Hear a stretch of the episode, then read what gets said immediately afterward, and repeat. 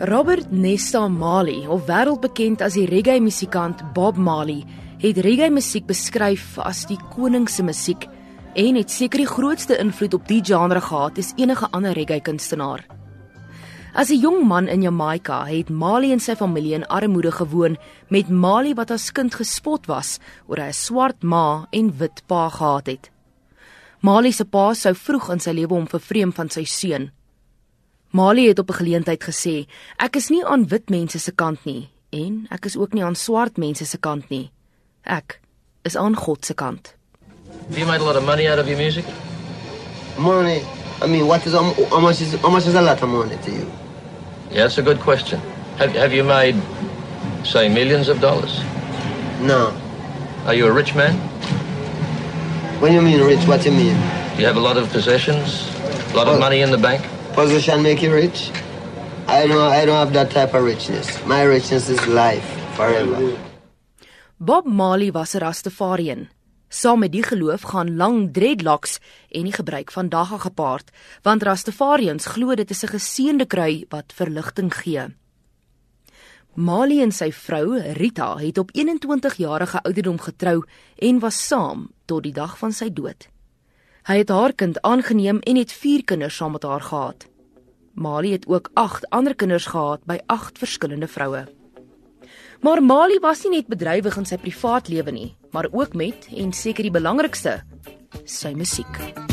In 1963 het Mali en Jamaica 'n paar vriende genader wat dieselfde liefde gedeel het vir musiek en toe naam gemaak as The Wailers.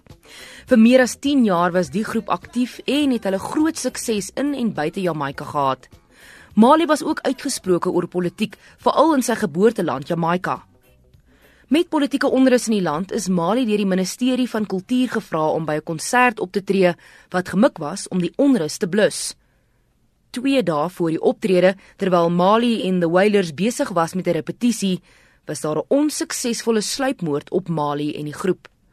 Gewapende mans het op die huis losgebrand. Wonderbaarlik was niemand ernstig beseer nie. Bob, how important is uh, is the ganja? Ganja is a bird. This is herb. Herb. Does it does it matter to you that it's it's still uh, against the law here in Jamaica? Every law is illegal. Every law is illegal. Every government upon the face of this earth today is illegal. Not one of them is legal. Mali het gedurende 1974 'n solo loopbaan gevolg na die groep se paadjies geskei het. In 1977 stel hy die album Exodus vry, wat hom later as een van die wêreld se topverkoper kunstenaars gevestig het met meer as 75 miljoen albumverkope. In dieselfde jaar wat Exodus groot opspraak gemaak het, is Mali gediagnoseer met kanker. 4 jaar later, op die 11de Mei 1981 op 39 jarige ouderdom, sterf Bob Marley in Miami. Marley is vroeg oorlede, maar het 'n skatkis van musiek agtergelos. Hy het gesê: "Party mense voel die reën, ander word net nat." Bob Marley het beslis die reën gevoel.